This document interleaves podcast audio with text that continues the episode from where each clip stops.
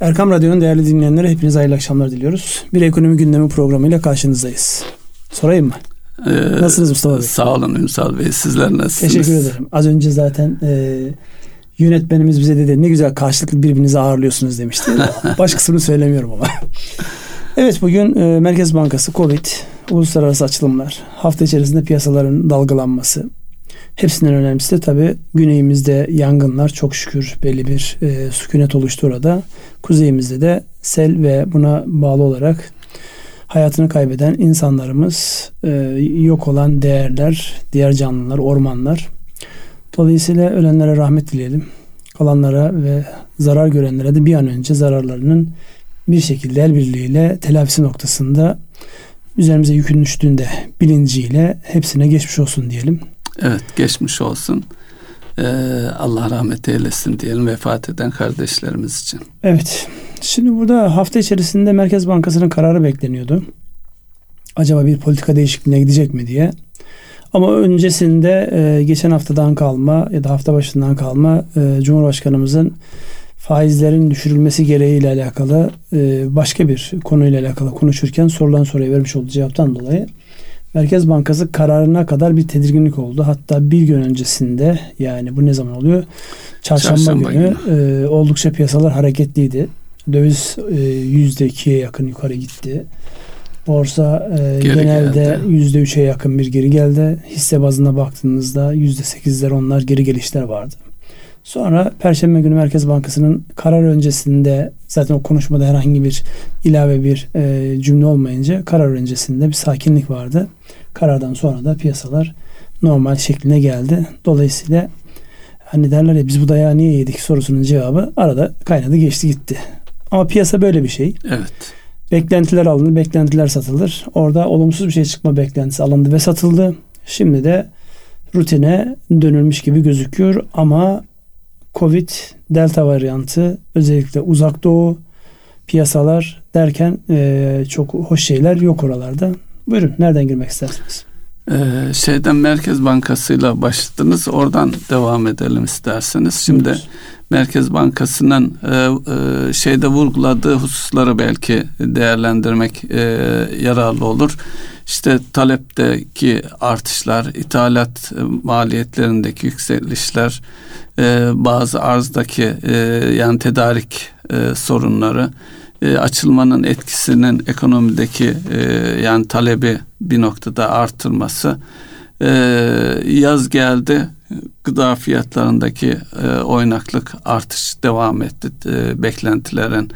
E, aksine bunların hepsi ve dünyadaki gıda fiyatlarının da yükseliyor olması hem iklime bağlı hem de bu Covid e, şeyle bağlı kuraklık e, bağlı kuraklığa bağlı olarak bunların hepsi toplandığında e, sanki enflasyonun e, dizginlenmesinde e, daha zaman var, mesafe var e, algısı oluştu. Merkez Bankası da bunların altını çiziyor.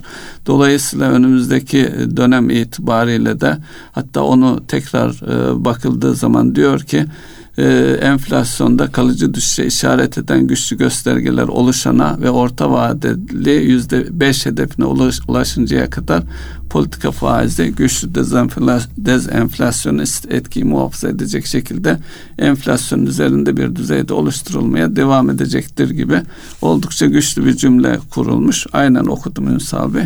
Şimdi e, bu cümleden de hareketle önümüzdeki süreçte enflasyona bağlı olarak enflasyonun da düşmesini bekliyor olacağız e, belki Eylül'den itibaren ama onunla birlikte e, faizlerin de geri gelmesi çünkü bu ay öyle bir beklenti vardı olmadı. E, Eylül'de aynı şey konuşulacak belki Ekim'de de konuşulacak.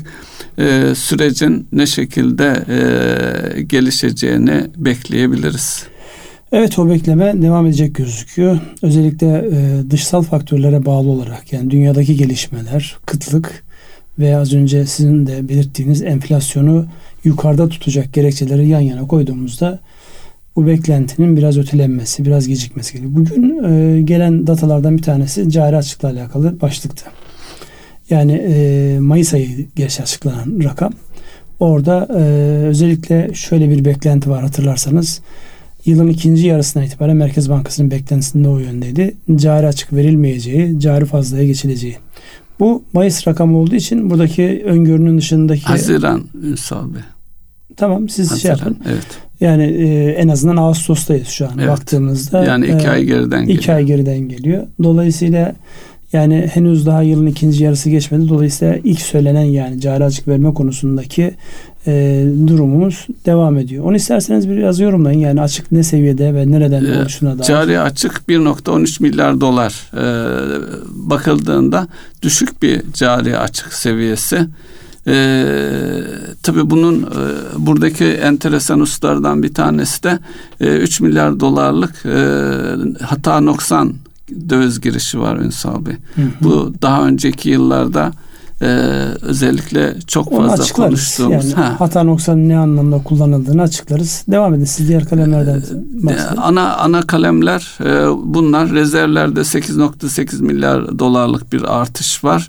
E, Merkez Bankası bilançosunun pozitif yönde düzeldiği, e, düzelme yönünde hareket ettiği ni söyleyebiliriz. Ana hatlarıyla cari açık noktasında hele hele e, bunu e, sanayi üretimi diğer hususlarda birlikte değerlendirirsek onunla o konuda da şeyler var. E, yani sanayi üretimi ve ihracat üzerinden cari açığı pozitif yönde yani azalması yönde destekleyen gelişmeler olduğunu ifade edebiliriz. Buradaki e, beklenen ama gerçekleşmeyen handikapta e, veya ne kadar gerçekleşeceğini bilmediğimiz e, e, turizm gelirleri olacaktır. Evet. Şimdi buradaki tabi e, şöyle değerlendirmek icap eder. Bu ödemeler dengesi. Yani sizin mal ve hizmetlerde aldığınızla verdiğiniz arasındaki fark açık ya da fazla olarak kendini gösteriyor. E, cari dengenin oluşması e, bir noktada eğer açık verdiyseniz finansman ihtiyacını ortaya çıkarıyor. Fazla verdiyseniz de fazla olan rakamla bir şeyleri finanse ediyorsunuz demek. Zaten bu finanse edilmiş cari açık diye Aynen. bakmamız lazım. Dolayısıyla oradaki o net hata noksan kaleminin zaman zaman böyle bir yükseliyor olmasının e, anlamı şu. Parasal hareketler olmuş fakat bankacılık sistemi üzerinden değil. Yani cepte getirmiş insanlar, başka yollarla getirmiş insanlar. Yani böyle bir rakam hareket etmiş fakat biz onun bankacılık sistemi üzerinden olmadığı için net adresleyemiyoruz. Dolayısıyla bu isimle yani bunun herhalde mucitleri ya da en çok kullanan e, ekonomilerden bir tanesi bizim ekonomimiz. Bir dönemde biliyorsunuz çok ciddi boyutlara evet. çıktı bu rakamlar. Dolayısıyla e, şunu söylemek icap eder. Doğrudan ya da dolaylı banka üzerinden ya da banka üzerinden olmayan yöntemlerle bizim cari açık verdiğimiz dönemler bir şekilde fonlanıyor. Dolayısıyla e, klasik cümledir o. Fonlandığı sürece problem yok. Yani e, maaşı yetmedi. Size birileri borç verdiği sürece bazen borç olur bazen hibe olur. Problemi yok. Ama hiç ummadığınız şekilde gedik büyürse o zaman oturun kara kara düşünün anlamı çıkar buradan. Buyurunuz. Evet, e, yıllık cari açıkta e, Haziran itibariyle yaklaşık 30 milyar dolar 29.7 milyar dolar seviyesinde. Cari açık tarafı böyle. Yine hafta içerisinde e, Merkez Bankası ile ilgili bir gelişme oldu, bir açıklama oldu. E, Kore Mer, e, Merkez Bankası ile swap anlaşması. Hı. Bunu da birlikte nasıl değerlendirmek lazım? E, bu da cari açı özellikle Merkez Bankası bilançosuna e, güçlendirme, rezervi güçlendirme yönünde katkı sağladığını ifade edebiliriz. Yani rezervi herhalde. güçlendirmenin yanında orada aslında bizim üzerinde durmamız gereken ve sık sık bu programda gündeme getirdiğimiz bir başlık var. O da itibar yönetimi. Yani bunu yapıyor olabilmek yani baktığınızda yaklaşık e, 15,5 milyar dolar, 16 milyar dolar gibi bir rakam e, söz konusu e, para cinsini inşallah yanlış söylemiyorum. Çünkü won Burada enteresan geldi. şeyleri ifade edeyim istersiniz Lütfen. Ünsal Bey. E, 21 milyar dolar bir e, swap var. Şu Katar'la 15 milyar dolar, Çin'le 6 milyar dolar. Ee, Güney Kore ile de 2 milyar dolar e, olduğu zaman bu 20 milyar dolara çıkacak. O zaman Türk lirası e, döviz şeyinde yani 15,5 e, milyar TL karşılığında e, Kore wonu e, diyebiliriz. Çünkü evet. orada rakam bir an tereddüt ettim. Şu an evet. not gözümün, gözümün önünde yok. Az önce dediğim gibi rakam önemli değil burada. Rakamdan daha çok sizin bunu birileriyle yapıyor olabilmeniz önemli. Çünkü bir dönemde hatırlarsanız e, Türkiye'nin swap kanalları kapanmıştı. Dolayısıyla oradaki işte yapacağız şeklindeki haberlerle bir müddet ekonomi yüzdürüldü. Fakat sonra onları realize olmayınca bu sefer ters satın alma yani e, oradaki geri gelişin olmayacağı düşüncesiyle bir yukarıya doğru bir hareket olmuş idi. Şimdi bunlar ne oluyor olması olumlu gelişmeler. Yani ekonomi anlamda baktığımızda bunlar güzel gelişmeler.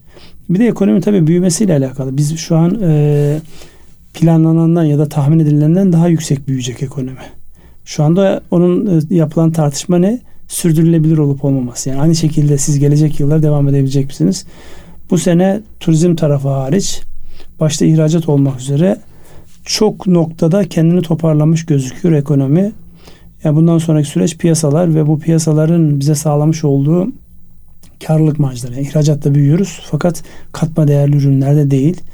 Dolayısıyla o önemli bir handikap olarak duruyor ama satıyor olabilmek önemli bir başarı bence. Peki Ünsal Bey bu e, swaplarla ilgili aynı zamanda bu e, swap yapılan ülkelerle karşılaştır e, ülkelere baktığımız zaman bu ülkelerle olan ticaretinde e, karşılıklı milli paralarla yapılması beklenir. Orada onunla ilgili e, yeni bir açılım. Çok net söylemek mümkün değil çünkü her şeyin böyle dolara endeksli olduğu bir yapıda ya da euroya endeksli olduğu bir yapıda lokal paralarla karşılıklı iş yapma, ticareti onun üzerinden yapma konusu çok kolaymış gibi gelmiyor bana açıkçası. Yani Merkez Bankası anlatsa bile ihracat ve ithalatçı Tabii. karşılıklı hangi para cinsinden e, teklif alacak Dolayısıyla yani o yani şimdilik ikinci plan etkilesin. Birinci plan bence itibar. Yani sizin bunu yapıyor olabilmeniz önemli olan başarı. Ondan sonraki kısım e, zaman içerisinde kendini gösterecektir. Peki onun için gerekli olan şey nedir? Onun için gerekli olan şey biraz daha ilişkileri yani onların ihtiyaç duyduğu şeyi sizin satmanız. Gerçekten sizin paranızın istikrarının olması. Evet, Bunu ikinci kısımda geleceğiz. Diyorsunuz. Değerli dinleyenler kısa bir ara veriyoruz. Aradan sonra tekrar geleceğiz. Erkam Radyo'nun değerli dinleyenleri kısa bir aradan sonra tekrar dönüyoruz. En son e, Merkez Bankası'nın yapmış olduğu swap anlaşmalarının bize katkısı ne olur sorusunun cevabını arıyorduk. E, şimdi e, burada en temel unsurlardan bir tanesi az önce de dediğim gibi yani itibar yönetimi bizim için önemli. Çünkü kredibiliteniz varsa düşündüğünüz bazı şeyler çok daha rahat yapabilirsiniz. Bu ilişkiler ticarete de bir şekilde yansıyacaktır. O bahsetmiş olduğunuz ülkelerin hepsiyle e, daha çok e, açık verdiğimiz ülkeler bunlar. Ama hepsiyle bir şekilde zaten ticaretimiz var. Önemli olan bundan sonra o ticaretin hem artması hem de lehimize e, artması. Yani sadece artması değil, lehimize artması. Çünkü ticaret hacminde özellikle Çin ayağına baktığımızda çok ciddi açık verdiğimiz ülkelerden bir tanesi. Kore'de hakeza öyle. Özellikle katma değerli ürünlerde Kore ciddi bir e, pozisyon almış vaziyette. Ama buna karşılık da öbür taraftan sevineceğimiz bir şey var. E, Financial Times'da e, özellikle bu fintech diyebileceğimiz ya da yeni ekonominin ürünleri diyebileceğimiz şeyle alakalı Türkiye'yi bir yıldız pazar olarak yani biz batıdan beklerken böyle şeyleri işte getirin 7,5 milyar dolar olması işte hepsi buradan 4 milyar dolarla işlem görmesi oyun firmalarının Trendyol 16,5 milyar dolar. evet. E, oyun firmalarının milyar dolara geçerek unicorn olmaları bunlar mesela Financial Times'ın dikkatini çeken ve Türkiye'yi öne, öne çıkaran başlıklar. Bir taraftan da bunlar oluyor. Yani mikro ve makro bazda birlikte yürümek gerekiyor burada. Ee, evet, cari dengeyle ilave söyleyeceğiniz bir şey var mı? Evet, cari denge e, şu, şu anki görünüm ihracata dayalı olarak, üretime dayalı olarak pozitif yönde etkileneceği yönünde. Evet. Şimdi gelelim e, özellikle bu Covid'in delta varyantı ile beraber e, başta Fransa olmak üzere. Çünkü batıda ve doğuda e, beklenmedik tepkiler oluyor. Bir taraftan da bu aşıya karşı insanların e, direncimi diyelim ya da kendilerince geliştirdikleri e, argümanların arkasında durmalar mı diyelim ne diyeceksek. Bir taraftan hızlı bir aşılanma süreci var. Öbür taraftan da sayılar artıyor. Sayılar artıyor. Yani 138 vefat az bir rakam evet. değil. Çin'de bir tane vefat olmuş geçenlerde eller ayaklarına dolaştı yeniden mi başlıyor diye. Dolayısıyla yani biz sanki böyle rakamları biraz kanıksadık gibi yani aynı rakamlar işte 100 ve üzerindeki rakamları duymak yani olabiliyor falan gibi algılanıyor. Burada bir sıkıntı var. Yani bizim biraz daha sıkılamamız gerekir. Özellikle bu Covid haritasına baktığımızda İstanbul'da artık alarm verir seviyeye geldi ama daha çok Doğu Güney Doğu tarafında özellikle bu yaz aylarında yoğun bir şekilde insanların o taraflara e, intikal etmesi. Evet, tatil için. Oradaki tatil için işte hasat Evet, mevsimi evet. var, başka gerekçeler var. Dolayısıyla burada bir sıkıntı var. Yani o konuyu isterseniz bir değerlendirin. Çünkü bunu yani dördüncü bir şeyi e, kaldırmaz bu yapı. Ee, orada da Dünya açısından diyorum, dünya sadece Türkiye açısından açısından da öyle. Dünyada da bu yeni varyant hatta tartışmalarda acaba bu yeni e, varyantlar için yeni aşı ihtiyacı olacak mı diye belki de aşı içinde çalışma başlatılmış olabilir. Çünkü artık aşıda da geldiğimiz noktada rekabet açısından aşı üretici firmaları da son kerteye kadar bu varyantla ilgili aşı ürettiklerini açıklayacaklarını düşünmüyorum ben e, gizli tut- tutacaklardır son şeye kadar. Ama bu tüm dünyada özellikle uzak doğuda mesela e, Tokyo'da 5000 seviyesine gelmiş. Dolayısıyla hemen kapanma gündemde. Hakeza Güney Kore aynı durumda. Çin'de bir limanda bir kişi de e, şey çıkmış dünyanın üçüncü e, büyük limanı sanıyorum. Covid çıkmış ve şeyi durdurmuş durumdalar ve bekleyen gemi yüzlerce gemi e, bekler durumda. Dolayısıyla bu da tüm dünya ticaretini ve maliyetleri ciddi etkileyen bir husus.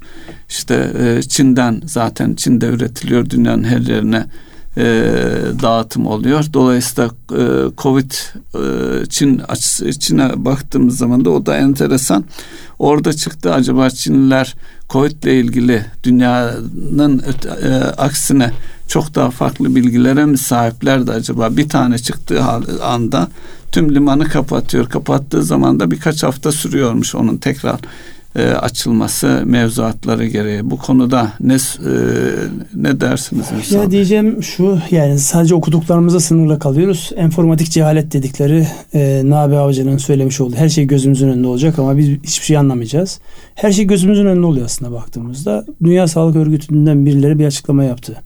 Yani bu işin ilk çıkış noktasının e, Wuhan'da ve bir laboratuvar ortamında olduğu ile alakalı güya güçlü argümanlar var. Yani şimdi bunların olması sonucu ne kadar değiştirir bilmiyoruz ama sonuç iyi değil. Yani burada şu an baktığımızda bizim de son dönemde fazlasıyla almış olduğumuz firmanın karlılığı 5 milyar dolardan 15 milyar dolara doğru e, giden bir karlılıktan bahsediyoruz.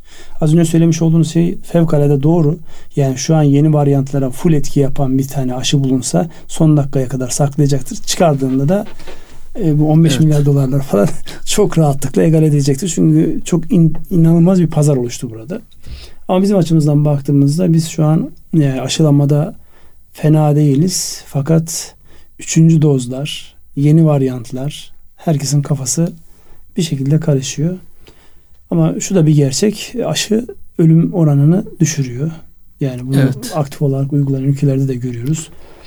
Bizde de görüyoruz ama Hastaneye yatışı da düşürüyor. Bizdeki bu yani yüzlü rakamlara kulaklarımız, gözlerimizin aşina olması hoş bir şey değil. empati yaparsak o 100 kişi içerisinde ben de olabilirdim eee, şeyi belki aşılamaya veya tedbirli davranmaya teşvik edebilir. Yani bir taraftan insan psikolojisi var, sıkıldı, bilmem ne yaptı ama bir taraftan da yani ölüm yani bunun ötesi yok ki yani. Sıkılmak mı ölmek mi? Herhalde sıkılmayı bir Ee, müddet daha insanlar tercih ederler. Hollanda'da e, restoranlar, gece kulüpleri belli bir saatten sonra tekrar kapanma kararı alınmış. Yani Batı ülkelerinde e, tehdit eden bir durumda. Fransa bu anlamda özellikle Amerika Fransa'yı e, ne derler seyahatte tekrar kırmızı listeye alma gibi böyle yeni yeni şeyler başladı yine. Yani sonbahar gelmeye geldikçe yavaş yavaş bu tetiklemeler de oluyor. Yani inşallah bir şekilde kesilir. Aynı vakti zamanında dünyada bir sürü insanın milyonlarca insanın ölmesine sebep olan İspanyol krizinin gribinin Gribi. birden kesilmesi gibi bir şey olur inşallah. Ama bu e, ciddi bir ekonomi oluşturdu. Bu ekonomiyi yaşatmak isteyebilirler bir şekilde. Evet ama bir taraftan da şu görülüyor artık Covid'e rağmen ne olursa olsun ekonomilerin kapanmayacağı ve gideceği yönünde kendi ülkemiz açısından bakınca özellikle restoran ve otel işletmecilerin artık net olarak eğer e, tekrar yeni bir kapanma olursa e, yeniden ayağa kalkmanın mümkün olmadığı yönünde açıklamaları var. Evet. Bir taraftan da tabii e, özellikle Covid'in bozduğu e, gelir gider dengesi, özellikle kamu açısından bütçe dengesini iyileştirmek için e, hatırlarsanız en önemli unsurlardan bir tanesi e, otomotiv sektöründe ve lüks tüketim diye tabir edilen sektörde uygulanan özel tüketim vergilerinin oranları ile alakalı. E, dün gece bir kararname yayınlandı. Özellikle küçük e, motor hacimli araçlarından alınan e, özel tüketim vergisinin %80'den %50'ye çekilmesi ve bugün en çok yoğun konuşulan başlıklardan bir tanesi de oydu.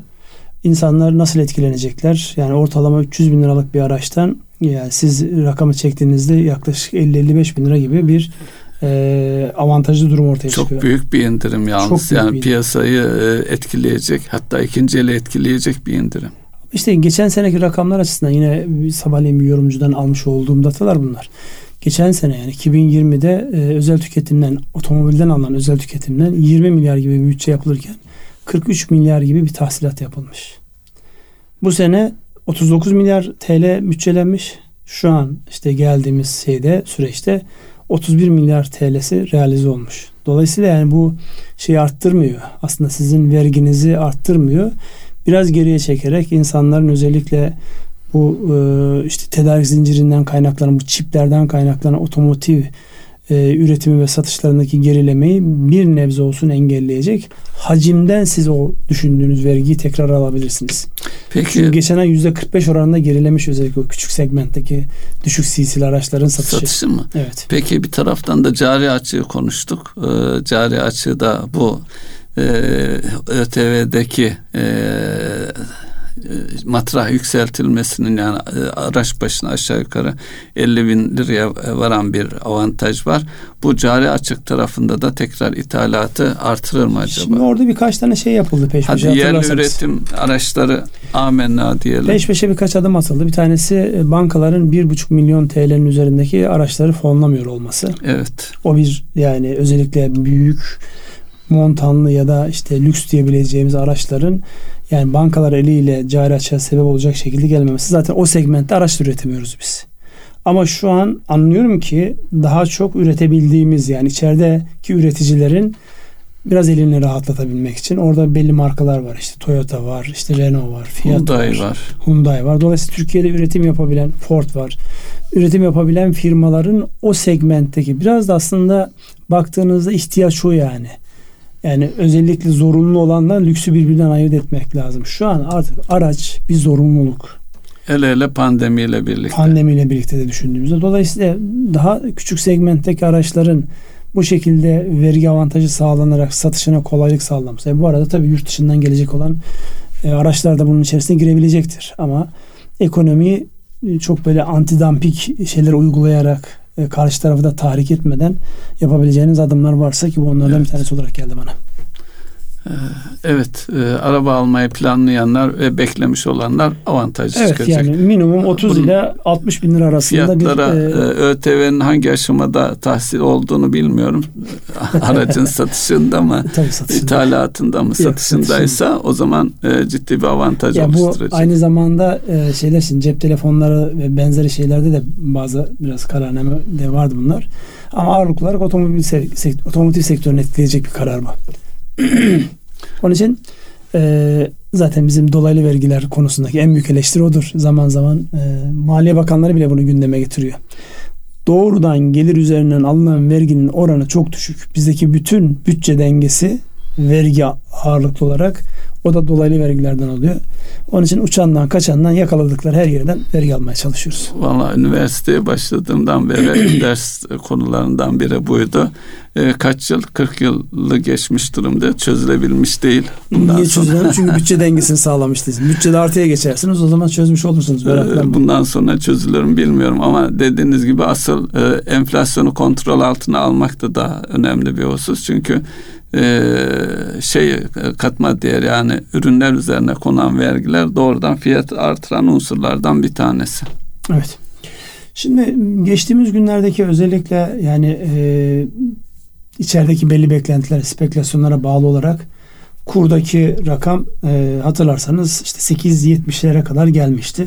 Sonra yani o spekülasyon ya da o beklenti alındıktan sonra işte 8.50'ler seviyesi 53, 55, 57 oralarda bir hareketli dönem yaşıyoruz. Yıl sonuyla alakalı da hatırlarsanız Merkez Bankası'nın yapmış olduğu ankette 8.95 gibi bir beklenti vardı. Fakat bugünlerde özellikle piyasayı yorumlayan insanların hepsinde o beklenti. Yani çok arizi bir şey olmazsa 8.95'in altında bir yerlerden kapanma ihtimali olabilir diye bir e, görüş var. Çünkü artık herkes odaklanmasını katma değerli ve büyüme yani önce katma değerli ürünlere sonra büyümeye odakladığı için şu an e, yani kur noktasında çok böyle yüksek beklentiler yok eğer yani yeni bir uluslararası ya da işte Covid'li başka konularda bir gelişme olmazsa. Bu konuda sizin ne dersiniz? Ee, şu, tamam bu açıdan bakalım ama bu arada e, dövizin e, biraz gerilediği 8.30'lara geldiği noktada da e, insanların e, özellikle döviz tevdiat hesaplarına baktığımız zaman döviz almaya devam ettiklerini görüyoruz. Tabi bu arada şu da var e, yani bence de e, 9'un altında bir rakamdan e, yani oralara gelebilir 8 buçuğa bile gelebilir çünkü baktığımız zaman aşırı değer kaybeden bir paraydı ülkemiz e, parası. Bizim bize benzer gelişmekte olan ülkeler açısından baktığımız zaman e, aşırı değer e, değer kaybettiği için e, doğal olarak bir dengeleme süreci olacaktır. Yani kurların e, uzunca bir süre e, tabiri caizse sürünmesini bekleyebiliriz.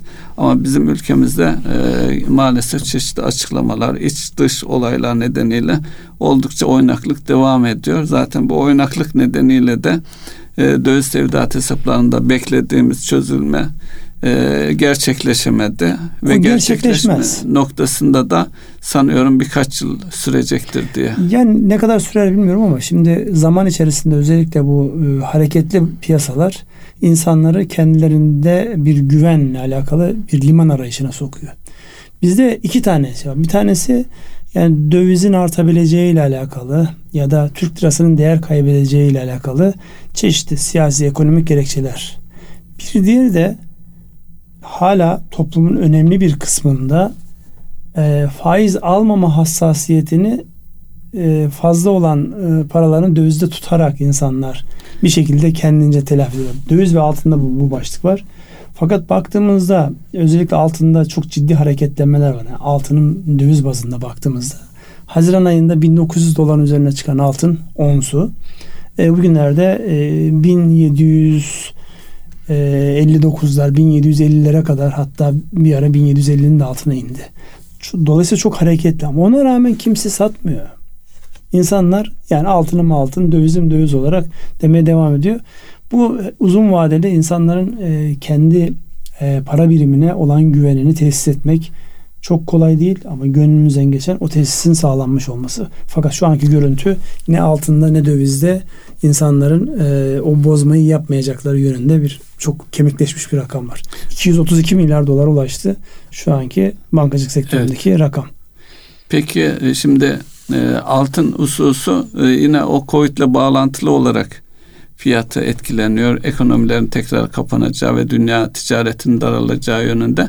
Ee, yine delta varyantına bağlı olarak da petrolde e, fiyat artışının e, durulup geri gelmesi söz konusu. E, ve önümüzdeki yıl itibariyle de bu seviyelerde kalacağına yönelik daha doğrusu Dünya Enerji Ajansı'nın bir açıklamasında arz fazlası olabilir. Dolayısıyla fiyatlarda e, çok fazla artmaz diye bir Şimdi beklenti siz var. Onu söylerken ben bir taraftan şeye bakıyorum. Yani e, Brent petrolün grafiğine bakıyorum. Yani yılbaşından bu yana aldım. Çok geri gitmeye gerek yok. Çünkü önemli olan bu sene nasıl bir trend sergilediği. Yani yılbaşında 50'li dolarlar dolan rakam tepe nokta olarak Temmuz'un 6'sında 77 dolara görmüş. Ondan sonra ufak ufak şeylerle bir ara 68-67 dolarlara gelmiş. Şu anda geldiğimiz nokta 71-72 dolar seviyesi. Dolayısıyla yani burası sanki oturmuş gibi ama dediğiniz gibi yeniden ekonomilerin daralması, kapanması gibi bir şeyden bahsedilirse e, talep olmayacağı için burası düşebilir. Fakat az önce yine bir şey daha söylediniz. Yani kimse ekonomisini kapatmaya meyilli Razı değil. değil. Razı da değil, meyilli de değil. Onun için yani burada denge oturacak gibi duruyor. İnşallah oturur. Yani petrolün yukarı giden her fiyatı bizim cebimize zarar ama evet. yapacak da bir şey yok yani netice itibariyle. Bir taraftan da doğal gazlarımız falan çıkacak inşallah. Onlar da bizim neyimiz olur. Evet doğal gaz dedik. Ee, şimdi e, şeylerle Ünsal Bey yaşadığımız felaketlerle bağlantılı olarak bir iklim raporu yayınlanmış. O iklim raporunda da bir buçuk derecelik bir yükselmenin e, telafi edilmesi için önümüzdeki 10 yıllara ihtiyaç var karbon emisyonu ile ilgili. E, şimdi e, bu felaketlere de değinerek e, belki geçen hafta da konuşmuştuk özellikle enerji üretiminde hidroliklerin yani e, barajlardan elde edilen enerjinin düşmesiyle birlikte e, doğalgaza ağırlık verilmişti. Aynı şey tüm dünyada özellikle Batı ülkelerinde de e, bu iklim e, vergileri, karbon emisyon vergileri nedeniyle e, kömür santrallerinin çalıştırılmaktan vazgeçildiği e, açığı da doğalgaz santrallerine ağırlık vermek yönünde telafi ettikleri yönünde bilgi var. Bu da doğalgaz fiyatlarının art doğalgaz fiyatlarını artırdı ve önümüzdeki süreçte de doğalgaz fiyatlarının artış yönünde beklentiler var. Ee, bunları e, ne diyorsunuz? Şimdi bizim doğalgaza yani 2023'ü bekleyeceğiz inşallah. Evet. Şimdi burada tabii biz ithalatçı olmaya devam edeceğiz. Yani çünkü onları çıkardınız, kullanmaya başladınız bir zaman. Şu anda dışa bağımlıyız o bağımlılığın böyle kısa sürede e, bitmesi ya da kesilmesi beklenmiyor. Dediğiniz gibi bu anlamda en çok tartışılan konulardan bir tanesi bu yeşil ekonomi ya da işte sürdürülebilirlikle alakalı e, düşünceler, ortaya atılan iddialar var. Artık farkındaysanız bütün firmalar özellikle bu yeşil e, sürdürülebilirlikle alakalı raporlar yayınlıyor. Sertifikalar almaya çalışıyor. Sertifikalar almaya çalışıyorlar. Çünkü onu birçok ülkedeki özellikle ana alıcı konumundaki firmalar da istiyor. Yani diyor ki senin karbon ayak izini göreyim. Çok eğer karbon üreten salınımı yüksek olan bir üretimin varsa senden almayacağız. İşte ona ya da söylemiş vergisini öde. Ya da vergisini öde doğru. Netice itibariyle bu maliyeti evet. arttıran bir unsur. Yani bu konuda e, özellikle çok sayıda yazı yazılıyor, çok sayıda makale e, yazılıyor. Fakat ortaya bir şey çıkıyor.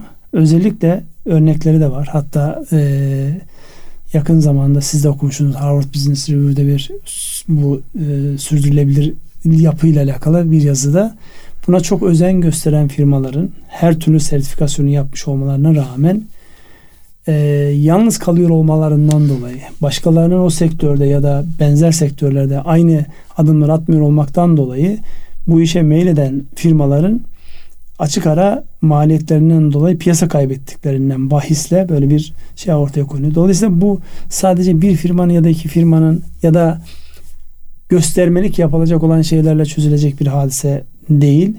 Gerçekten bu karbon salınımı ile alakalı yani küçüğüyle bir önce büyükleri yapması gerekiyor. Adımların atılması gerekiyor. Ya da ciddi bedeller ödeyeceğiz. Biz de bu özellikle kömür zengini bir ülke olarak yani düşük kalorili de olsa kömür zengini bir ülke olarak oradaki o lignitlerden enerji üretimi bizim için değerli. Fakat arkasından da böyle bir sıkıntı evet. var. Ee, burada e, e, bu e, yeşil sektöre yapılacak yatırımlar konusunda yani yeni yapılacak yatırımlarda da özellikle finans sektörünün asıl rol oynayacağı özellikle batı ülkelerinden tedarik edilecek finansmanda eğer siz çevreyi kirletecek bir yatırım peşindeyseniz buna finansman bulmakta zorluk çekeceğiniz aşikar deniyor. Yani özellikle Batı ülkelerindeki büyük finansörlerin başlattığı e, çalışmalar var.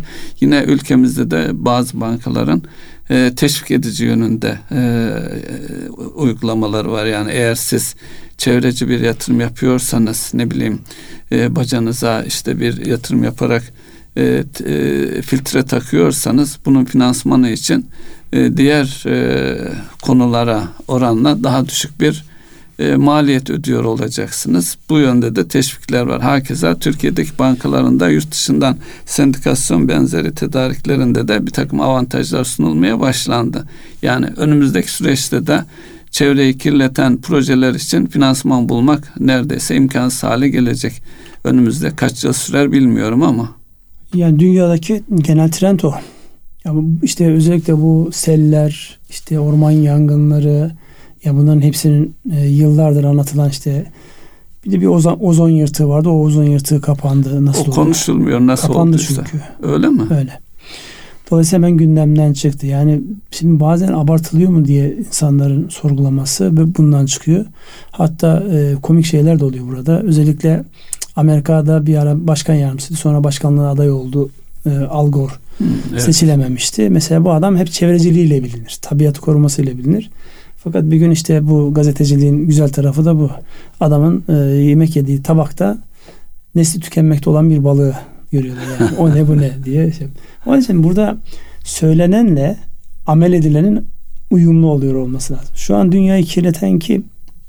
Gelişmemiş ülkeler mi? Afrika mı Hayır, kirletiyor? bugüne kadar kirleten onlar yani. Yani kim kirletiyor sorusunun cevabı şimdi belli bir yükü tuttuktan sonra belli bir şeye ulaştıktan sonra hani bu buradan şu anlam çıkmasın. Biz de kirletelim ondan sonra konuşuruz.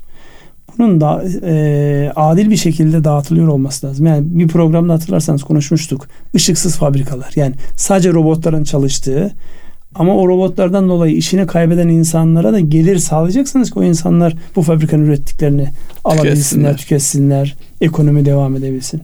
Dolayısıyla buradaki bu ilahi adalet diyebileceğimiz şeyi nasıl sağlayacağız? İşte buradaki insanların yani ellerini vicdanlarına koyacaklar diyeceğim ama yani kapitalizmin vicdanı vicdanı olmaz. Tek bir şey vardır orada kar. Ee, o nasıl sağlanacak sorusunun cevabı çok sıkıntılı. Şu da var onu da görmek lazım. Özellikle Batı çevreyi kirletecek sektörleri gelişmekte ol- olan ülkelere transfer ederek ilk adımı öyle başladı. Bitirdiler büyük ölçüde de. Evet şimdi e, ikinci aşamadalar. Şimdi de onları vergilendirme aşamasına geldiler. Bu sefer bu e, bizim gibi ülkelerden e, daha e, geliş, e, geri kalmış ülkelere yönelik bir e, yine e, sanayi göçü başlayacak diye düşünüyorum ben. Bizim zaten de hedefimiz o değil mi? Katma değerli olsun, Evet. kirletmesin.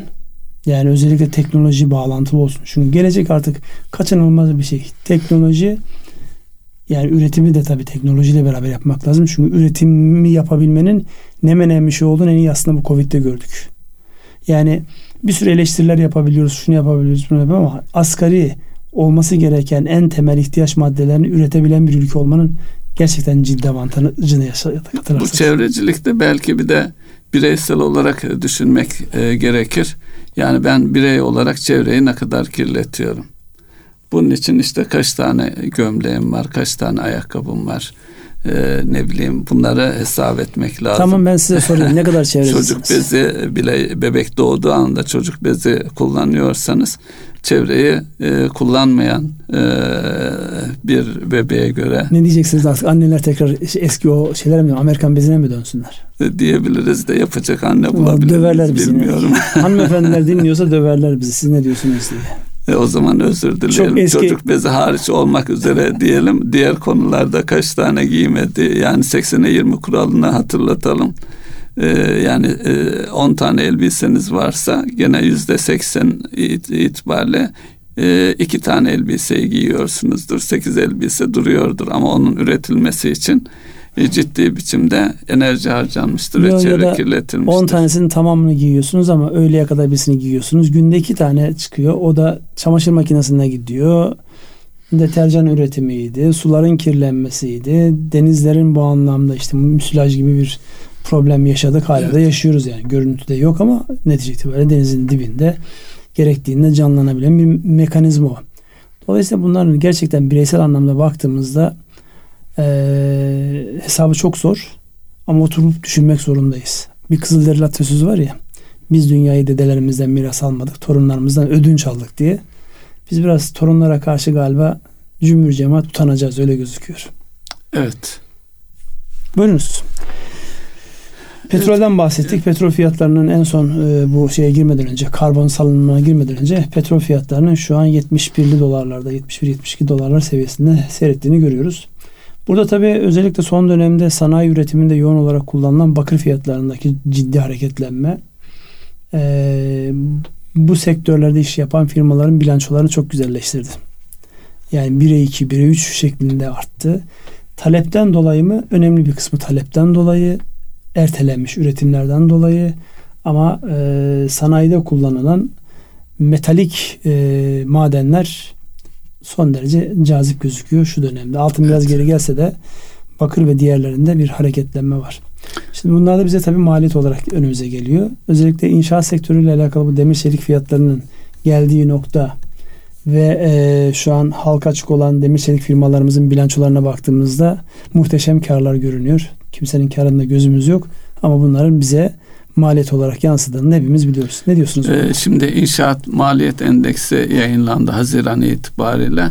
Ee, yıllık artış 42.48 yani yüzde 43 seviyesinde inşaat maliyetlerinde artış var. Yani inşaat e, firmalarıyla da e, çevremizde var. Benim gördüğüm kadarıyla e, mutsuz görünüyorlar. Ağırdan alıyorlar işte. Biraz beklemiş. E, bekliyorlar. Herhangi bir üretimle zaten şu anda satma noktasında sıkıntı yaşadıklarını ifade ediyorlar. Tabi satış sıkıntısı doğrudan e, konut alacaklarını özellikle finansman maliyetinin yüzde birin altına gelmesine bağlı. Ama fiyatlar arttığı için peşinatın tedariki e, de başta olmak üzere ciddi bir sorun. E, bu arada istatistiklere değinelim mi Ünsal Bey? Evet istatistiklerden e, İş gücü belki herkesi ilgilendiren e, e, iş gücü istatistikleri işsizlik oranı yüzde 10,6 seviyesinde gerçekleşti Haziran itibariyle. Ama şimdi Ağustos'tayız. E, Temmuz'dan itibaren e, kısa çalışma ödeneği ve işten çıkarma yasağı bitmişti. Dolayısıyla Temmuz'da neler yaşandığını kestiremiyoruz ama bir handikap olarak işten çıkarmalar söz konusu olmuştur. E, gördük yakın çevremizde de. Ee, özellikle ayın ilk günlerinde yoğun olarak e, bunlar yapıldı ama bir taraftan da e, açılmalara hele hele hizmet sektöründeki açılmalara bağlı olarak da otel, restoran, e, gibi işletmeleri düşünürsek başta e, oradaki açılmalar ve canlılıklarla ilgili de orada da istihdamda bir artış e, olduğunu e, görebiliriz. Dolayısıyla e, Temmuz ayı nasıl gelecek? E, sanki bu seviyeleri e, devam ettirir gibi görünüyor.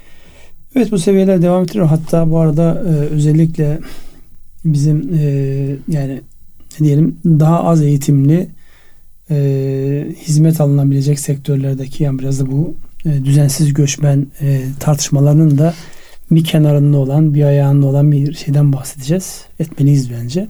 Bir taraftan e, azalıyor yani bu e, üretim artışına bağlı olarak. Ama öbür taraftan da çok yoğun bir şekilde destek elemana ihtiyacı açığı var.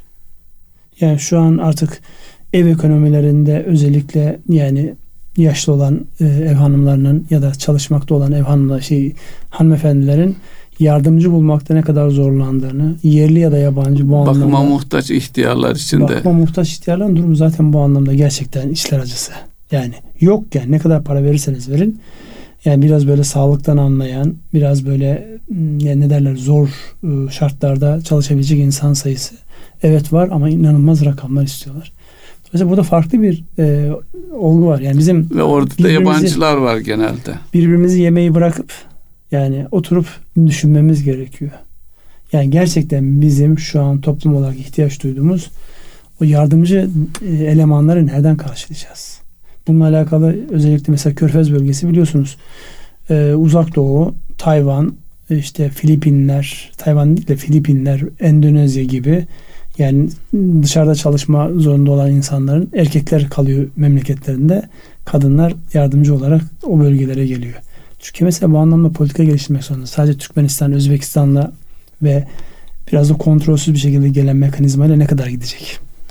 Ee, evet orada e, yeni e, erkekler için de hakeza çalışmaya gelen Afganlar vardı daha önce. Şimdi Afganlarla ilgili farklı bir tartışma var. Afganistan'daki e, siyasal durum ve Amerika'nın çekilmesiyle beraber özellikle erkeklerin e, ülkeyi terk ettikleri ve bizim ülkemizde hatta bizden de Avrupa'ya e, geçme yönünde Her şeyler tarafa var. gidiyorlar. Bizim ülkemizin ee, ama, kültürel şey de var onlar için. Avantajı var. Avantaj var. Ama istihdamda da ciddi biçimde e, Suriyeli e, ve Afgan olmak üzere istihdamda. Ama bunların büyük bir kısmı kayıt dışı görünüyor. Belki yüzde doksanı kayıt dışıdır. Onların da e, yani bir taraftan işsizliğe bahane olarak yani e, iş kaybediyoruz diye ama onların yaptığı işlere de talip olan talip yok. olan yok. Dolayısıyla burada, böyle bir çelişki için, içerisindeyiz. Aynen öyle. Yani bir çelişkimiz var. O çelişkiyi oturup akıllı uslu tartışamıyoruz birbirimizle. Hep böyle bir itham, hep, hep bir suçlama kültürüyle yaklaşıyoruz. Yani e, verilen görüntülere bakınca işte bir otobüsten ya da bir tırdan yüzlerce evet, genç erkeğin iniyor. iniyor şehrin bir bölgesinden şehre intikal ediyor olması tabii ki hoş görüntüler değil. Ama gerçekten bunlar nedir sorusunun cevabını ve buna yönelik şeyler ne? Geçen gün Cumhurbaşkanımızın yapmış olduğu e, o basın toplantısında vardı yani İran sınırında 150 kilometreyi geçen duvar örmüş. Duvar örülüyor. Yani, Onun da bir maliyeti var. Hepsinin yani, maliyeti evet. var. Yani ama şu bir gerçek özellikle Afganistan'dan bu tarafa transferde İran çok bir şey yapıyor yani hemen e, servis, servisini yapıp geçiyor yani. Dolayısıyla bunların hepsinin değerlendirmesi gerekir. Yani birbirimize siyaseten üstünlük sağlayacağız diye böyle her şeyi masaya biçimsiz bir şekilde yatırmak bizi doğru sonuca götürmez. Ama bu tamamen temenni olarak kalıyor maalesef. Yapabileceğimiz başka bir şey var mı?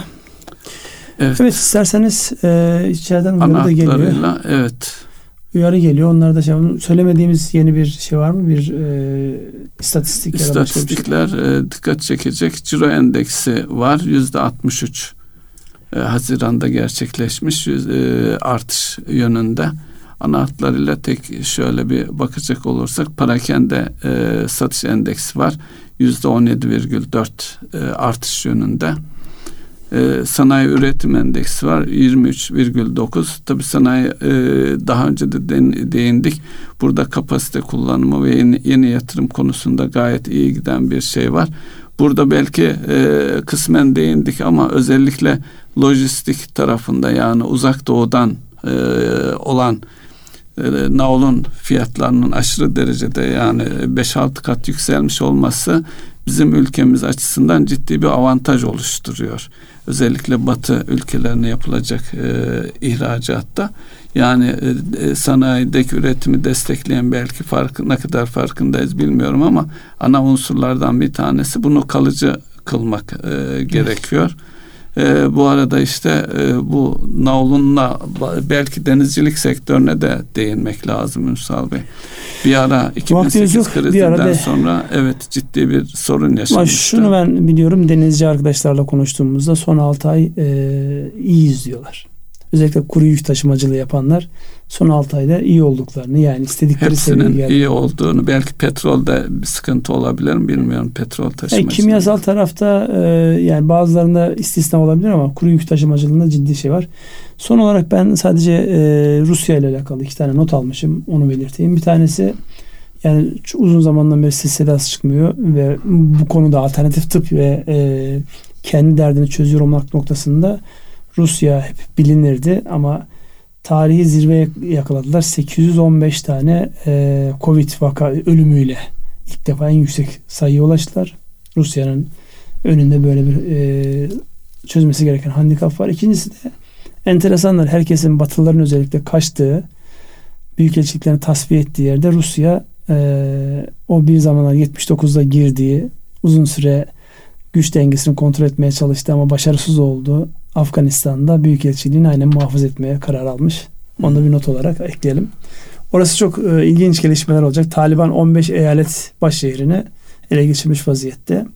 Yani önümüzdeki günlerde ekonomi evet. ve siyasi bağlantılı havaalanında olacak mıyız o da ayrı bir Afganistan şey. Evet. mevzunu e, inceleyeceğiz. Sanki havaalanında olmayacağız gibi bir görüntü çıkıyor. Yani şu an biraz soğutuldu gibi sanki. Konu da Taliban da istemiyor zaten. Neyse kapatalım. Buyurun. Erkam Radyo'nun değerli dinleyenleri bir ekonomi gündemi programının daha sonuna geldik. Bazı noktalarda hızlı hızlı anlatmaya çalıştık. Dilimizin döndüğünce sürçülisan eyledik. Affola. Hepinize hayırlı akşamlar diliyoruz. Hayırlı akşamlar.